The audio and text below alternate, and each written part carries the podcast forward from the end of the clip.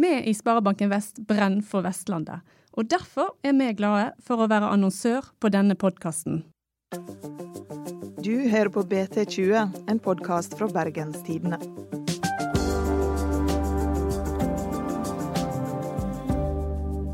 Det er bråk i Kristelig Folkeparti. Krangling om synet på homofili og flørting med den politiske venstresida splitter det vesle partiet. Nå er kranglinga blitt så høglytt at over 100 personer har snudd ryggen til og meldt seg ut i protest. Og kanskje aller sintest er vestlendingene. Skal landsdelen som fødte partiet også begrave det under sperregrensa?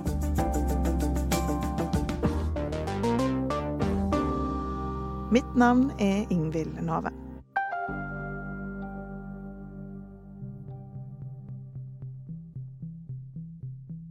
Dag tidlig meldte varaordfører i Bergen Maria Molthus seg ut av KrF i protest. Jeg har eh, sagt at jeg melder meg ut pga. manglende tillit til partiet. Og eh, at det i hovedsak dreier seg om eh, partikultur og politiske veivalg. Ja, I Kristelig Folkeparti er det fortsatt støy i kjølvannet av at partiets familiepolitiske talsperson Geir Jørgen Bekkevold i sommer viet KrFs lesbiske kommunikasjonssjef. Fylkesvaraordfører i Hordaland, Pål Kårbø, har nå meldt overgang til Høyre.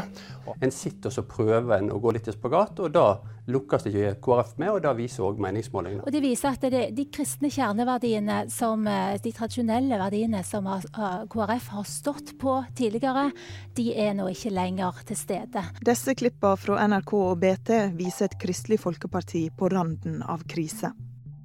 Sentrale kristne politikere føler seg ikke hjemme i partiet lenger. Nedturen har pågått lenge. I fjor gjorde KrF sitt dårligste valg siden krigen. På en måte skildrer fallet det norske samfunnet. Før var flertallet kristne, men nå er vi mer sekulariserte og mindre religiøse. Kan KrF overleve om de ikke engang klarer å samle kristenfolket? Jeg tror det er farlig for KrF å undervurdere det som skjer her nå. Og det er mange bekymra både medlemmer og politikere her nå. Eh, men stor, stor uenighet om hva som er løsningen. Frøy Gudbrandsen er politisk redaktør i Bergens Tidende. Altså, hvis KrF rakner på Vestlandet, så rakner KrF. Så enkelt er det egentlig. Men vi vet jo ikke ennå om dette er starten på det, eller om dette var på en måte, de utmeldelsene vi har sett, om det er folk som egentlig har vært på vei ut, og så kom det nå. Vestlandet er utrolig viktig for KrF. Eh, en stor andel av velgerne deres kommer herfra. Og i fjor, så i alle vestlandsfylkene, så mista KrF to prosentpoeng av velgerne sine i alle fylkene. Og det får store utslag på oppslutningen eh, nasjonalt. Vestland, altså partiet kommer herfra. Uh, uten et sterkt Vestland i KrF, så for meg i hvert fall, så er det veldig vanskelig å se for seg et sterkt KrF framover uten at de har med seg masse velgere fra vest. Hva er det egentlig som skjer i KrF nå? Altså det som skjer, er jo at det går dårlig med KrF. Og det har gått jevnt nedover ganske lenge. Men så gjorde de det ekstra dårlig i forrige stortingsvalg, og det blir det gjerne veldig dårlig stemning av. Eh, så jeg tror nok at de problemene de har nå, det skyldes jo at de sliter og vet ikke De aner ikke hva de egentlig skal gjøre med det. Veit de hvorfor det går så dårlig? En ting som skaper trøbbel for dem, og som skapte masse problemer i stortingsvalget i fjor, det er at det er det evige spørsmålet om skal de samarbeide med eh, høyresiden, eller skal de samarbeide med venstresiden. Og Hareide eh, klarte ikke å svare godt på det i forrige valgkamp. Eh, og nå har de lovet, de har hatt en lang prosess i partiet, og nå i løpet av høsten så har Hareide lovet at nå skal de avklare det spørsmålet. Å velge mellom høyre- og venstresida kan minne om å velge mellom pest og kolera for KrF. På den ene sida er Frp, og på den andre sitter Sosialistisk Venstreparti. De siste valene har de snirkla seg gjennom det politiske minefeltet ved å bruke en annen taktikk. Her presentert av Knut Arild Hareide i 2017. At vi ønsker en regjering bestående av partiet Høyre og sentrum, med Erna Solberg som statsminister. Dersom det ikke lykkes, var vi òg ærlige på at regjeringssamarbeid med Fremskrittspartiet ikke var aktuelt. Da går vi i opposisjon. Men nå har pipa fått en annen lyd. Planen om å gå i regjering med Høyre og sentrumspartiene har nemlig ikke fungert. For to uker siden ville ikke Hareide lenger garantere for at de ville hjelpe høyresida ved neste valg. At vi gikk til valg i 2009, 2013, 2017 på en sentrum-høyre-regjering. Som vi ikke fikk til ved noen av de valgene. Og vi kan neppe gå til valg på det igjen i 2021. Og det er viktig for meg å ikke begynne å utelukke løsninger. Og det vil jeg reelt sett si at når jeg går inn i dette, så utelukker jeg ingenting. Det blir krevende runder. Og som jeg sa, jeg tror ingen perfekte valg. Uh, noen kommer til å bli skuffa, men altså, Partiet foretrekker Erna Solberg som statsminister, men de vil ikke gå i regjering med Fremskrittspartiet. Uh, de, vil, de, foretrekker andre alternativer. Og så er det klart at uh, virkeligheten den ser nå ut som den gjør, da. Altså, det er ikke mulig å gå i regjering med Erna Solberg nå uten å få Fremskrittspartiet med på kjøpet. Hva er det som gjør Fremskrittspartiet så uh, uspiselig for KrF? Altså For deler av KrF så er ikke Fremskrittspartiet uspiselig. Det er faktisk en del uh, i KrF som uh, er ganske skeptiske til særlig muslimsk innvandring. Men Fremskrittspartiet er nok hakket for liberalt i alkoholspørsmål, for eksempel. Og en del andre mer sånn ja. Søndagsåpne butikker. Søndagsåpne butikker, for eksempel. Uh, spill. Altså en del ting som ikke harmonerer sånn helt tipp topp med hva kristenfolket står for. også i tillegg så var det jo veldig problematisk med Sylvi Listhaug og hvordan hun omtalte KrF. Når Jeg sjøl har møtt opp i en forsamling og tatt opp både steining og dødsstraff for blasfemi med en av verdens ledende imamer. Det jeg registrerer at Hareide og mange andre politikere bruker tida si på, det er å gå og sleike disse her opp etter ryggen, i stedet for å konfrontere folk med ekstreme holdninger. Er Frp med å skubbe deler av KrF mot Venstre? Det tror jeg. Og så er det nok en del partier som mener at altså, KrF er jo et sentrumsparti. Og da bør man kunne samarbeide med flere enn bare den ene siden. Hvis ikke så er man jo ikke et sentrumsparti. Og derfor så er det jo mange som mener at de bør søke makt der, eh, der, der man kan finne den. Og hvis man får større gjennomslag for sakene sine med f.eks. Arbeiderpartiet, eh, så, så, bør de kunne gå dit. Og det er klart i saker som bistand, f.eks. internasjonal solidaritet, fattigdom Det er mange spørsmål der man kan se at KrF like gjerne kan eh, komme til enighet med Arbeiderpartiet som eh, borgerlig side. Men så er det en del, i, kanskje særlig på Vestlandet, som har en slags sånn gammel greie mot Arbeiderpartiet. Eh, som gjør at altså, hva som helst, bare ikke Arbeiderpartiet og partiene lenger til venstre. Hva er det da ikke liker med Ap, da? Jeg tror nok at de har jo gått i front i en del saker. F.eks. abortspørsmålet. De har vært kjappere ute i andre bioteknologispørsmål. Som gjør at um, uh, Arbeiderpartiet har vært en motstander i en del saker der uh, En del saker som har vært viktige for KrF. For de velgerne som har problemer med Arbeiderpartiet, så er det jo verre med SV, og for ikke å snakke om Rødt. Ehm, det er det ikke noe tvil om. Så det er et komplisert landskap. Og det er klart, valgresultatet i 2017 eh, skapte jo trøbbel for den delen av KrF som ønsket et samarbeid eh, med Arbeiderpartiet. Fordi Arbeiderpartiet gjorde det så skrekkelig dårlig. Og man kan se for seg at det hadde vært mulig å forsvare og gå mot venstre hvis det hadde vært et stort og sterkt dominerende Arbeiderparti som ville gi KrF stort gjennomslag. Men slik det politiske landskapet ser ut nå, eh, så får man eh, ganske mange partier med på kjøpet, som gjør det. Det er ganske vanskelig. Nå skal du få ei kort melding fra vår annonsør. Vi er straks tilbake. Sånn høres lyden av samfunnsnyttige midler fra Sparebanken Vest ut.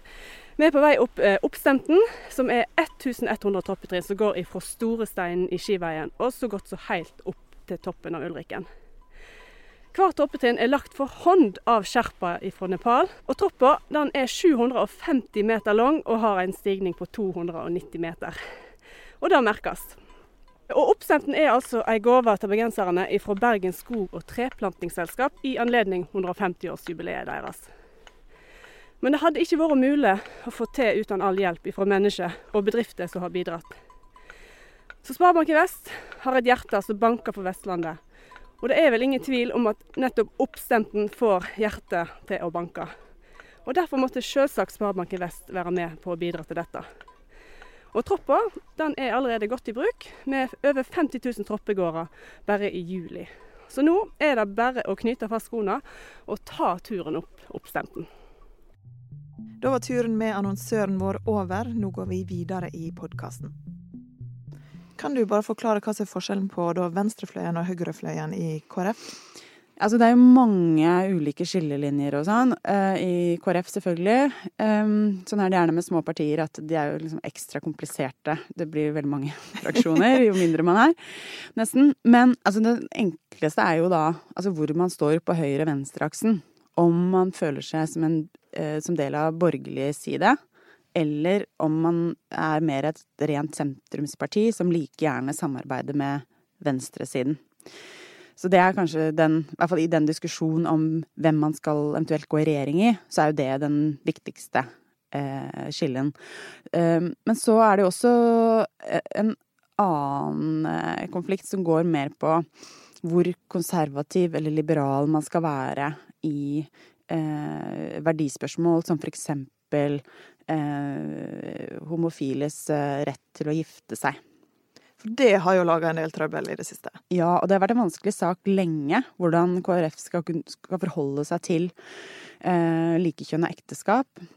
Eh, og for, eh, for, et par uker siden så var det jo da skjedde det at eh, det, det, skjedde i de dager at at uh, familiepolitisk talsperson, Geir Jørgen Bekkevold, han er også prest. Ja. Og han via kommunikasjonssjefen i KrF i et, en likekjønna vielse. Og det var det ikke alle politikere og velgere på særlig kanskje Vestlandet som syntes var noe særlig ok. For de mener at ekteskapet er mellom mann og kvinne? Ja. De mener at det står i Bibelen, og derfor så blir det feil av en så sentral person i KrF, særlig fordi han er familiepolitisk talsperson, at han eh, går ut og gjør en sånn handling.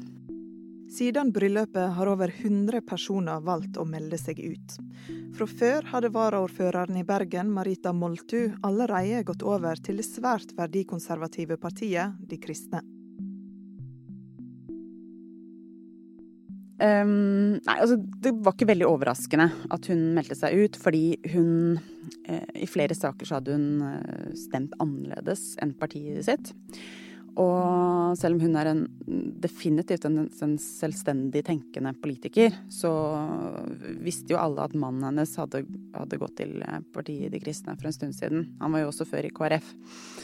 Uh, og så er det sikkert en del ting som ikke vi vet helt om. Men uh, hun føler jo, i likhet med de andre, at uh, KrF ikke lenger er verdikonservativt nok, og ikke fronter de klassiske verdikonservative sakene godt nok. Og så handler det også om denne høyre-venstre-aksen. Også bystyrerepresentant Elisabeth Leirgul meldte seg ut og gikk til de kristne. Plutselig var bystyregruppa til KrF i Bergen halvert og byrådet mista flertallet sitt. Så gikk enda en profil. Altså Den neste store profilen som gikk, det var Pål Korbe. Eh, som gikk fra, fra KrF. Han er varaordfører i eh, Hordaland. Og han gikk til Høyre. På, det var jo nå nylig. Og han Jeg tror det eh, er en verre overgang for KrF, selv om sikkert den beslutningen også er sammensatt og timingen kom jo på grunn av nominasjonen. Men eh, han er en respektert eh, politiker, det er det ene, og i tillegg så eh, går han jo til Høyre. Eh, og jeg tror at KrF nok frykter at flere går den veien. For partiet De kristne kan skape trøbbel, men de har antageligvis et ganske begrensa vekstpotensial. Men det at Knut Arild Hareide, han er jo òg vestlending. Her mm. melder vestlendingene seg ut av partiet. Hva betyr det for hans posisjon som partileder? Jeg tror at hans posisjon som partileder er litt svekka. Og jeg husker En gang så skrev jeg at hans posisjon ikke var trua. Og da begynte folk å ringe til meg og si at at uh, hallo, vi uh, syns ikke han er helt tipp topp som partileder. Jeg tror at han sitter trygt uh, inntil videre, for det er ingen uh, aktuelle personer for øyeblikket til å ta over. Men jeg tror det at det er en del litt misnøye med han som ikke helt kommer til overflaten. For han blir oppfatta som utydelig. Hvorfor det? Eh, kanskje fordi han er det. han har jo ikke klart å velge side i samarbeidsspørsmålet ennå. Og det, altså det, at han ikke velger side, det handler jo ikke om han som person, men det handler jo om at partiet hans er så splitta. Og en partileder må jo balansere et eller annet sted i midten. Og partiet har ikke vært klare ennå til å ta en sånn beslutning. Om de skal inn i Solberg-regjeringen, eller om de skal søke andre alternativer. Så KrF sitter egentlig litt fast mellom barken og veden her? Ja. Sitter skvist i midten. Hvordan kan de komme seg ut av denne skvisen? Jeg tror det er vanskelig. Det er klart at de kan prøve å gå inn i regjeringen. Eh, jeg tenker vel at de har ikke så mye å tape akkurat nå. Eh, da vil deler av partiet være fornøyd, mens deler, altså, de som eh, virkelig ikke kan fordra Fremskrittspartiet, og mener at de motarbeider kristne verdier, da vil de slite. Ved forrige valg så mista de mange velgere til høyresiden. Jeg tror hvis eh, KrF går inn i regjeringen nå, så risikerer de jo å miste til venstresiden. Kanskje mister de flere velgere til Arbeiderpartiet. Er det noen på venstresida som prøver å lokke KrF over på deres sitt lag? Åpenbart. Det er det. Det er jo mange i Arbeiderpartiet som eh, ser at de trenger KrF for å få flertall. Og KrF kan være nøkkelen til at Arbeiderpartiet kommer i regjering neste gang. Så det, det er nok um, handler delvis om politiske realiteter. De må ha med KrF. Uh, men på samme måte som at i KrF så er det en liksom, utbredt skepsis mot venstresiden i norsk politikk. Den er jo gjensidig. Altså for palestinavenner, for de som er veldig opptatt av uh, Eh, kvinners rett til å velge selv i abortspørsmål, f.eks. Eh, reservasjonsretten. Eh, dette har jo vært saker som ikke har bedra forholdet mellom venstresiden og KrF. Så det er nok en del som ser med en viss skepsis på et tett og nært samarbeid mellom f.eks. Arbeiderpartiet og KrF. For i Bergen så har jo KrF shoppa litt både til venstre og høyresida. Altså KrF, eh, de er der de kan få makt. De er jo alltid ved makten i Bergen. KrF har vel sittet mer eller mindre sammenhengende ved makten i Bergen i 42 år. Altså det var en liten pause i 2014-2015, men bortsett fra det så har de altså sittet i eh, over 40 år. Det er jo helt vanvittig lenge. Hvordan har de klart det? Ved at de samarbeider til begge sider. Eh, de samarbeider både med Arbeiderpartiet og med Høyre, og også Fremskrittspartiet, lokalt. Og det er nok lettere å få til lokalt, fordi det er færre kompliserte verdispørsmål. Uh, lettere å være pragmatisk og komme til enighet. Sant? men det er ganske eksepsjonelt, ja. Når KrF mister medlemmer til de kristne, mm. kan du da risikere å sitte igjen med to bitte små kristne parti uten noe reell politisk makt til slutt? Det er selvfølgelig skrekkscenarioet uh, for uh, Hareide. Jeg har ingen tro på at uh, partiet De kristne kommer til å vokse seg så veldig mye større nå. Jeg tror de kan skape trøbbel lokalt, um, men jeg tror ikke de blir viktige nasjonalt. Men spørsmålet er om KrF um, klarer å komme seg over sperregrensen igjen. Og i så fall så vil jo KrFs tid som relevant parti i norsk politikk være over.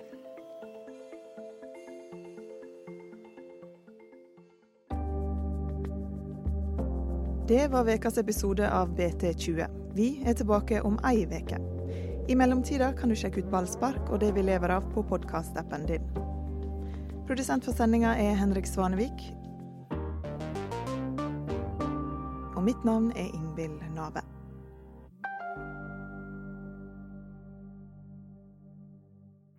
Unge skal ut i boligmarkedet, så kan foreldrene stilles som medlåntakere. Og Hva betyr det egentlig at foreldre er medlåntakere, kunderådgiver Patrick Stør?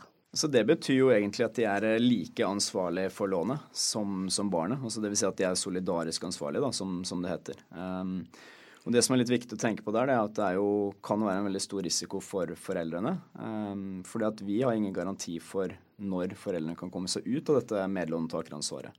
Så da er det veldig viktig å passe på at det er en kortsiktig løsning frem til f.eks. Eh, barna som studerer er ferdig utdanna og kan ta over låneansvaret alene. Og Hva er den beste måten å sette opp en sånn medlånstakeravtale? Altså Når vi gjør det her, så, så prøver vi på en måte å holde det ansvaret til en minst mulig del da, av det totale lånet. Så Dvs. Si at barnet låner mest mulig selv, og så kan gjerne foreldrene være ansvarlige for deler av lånet, og ikke alt sammen.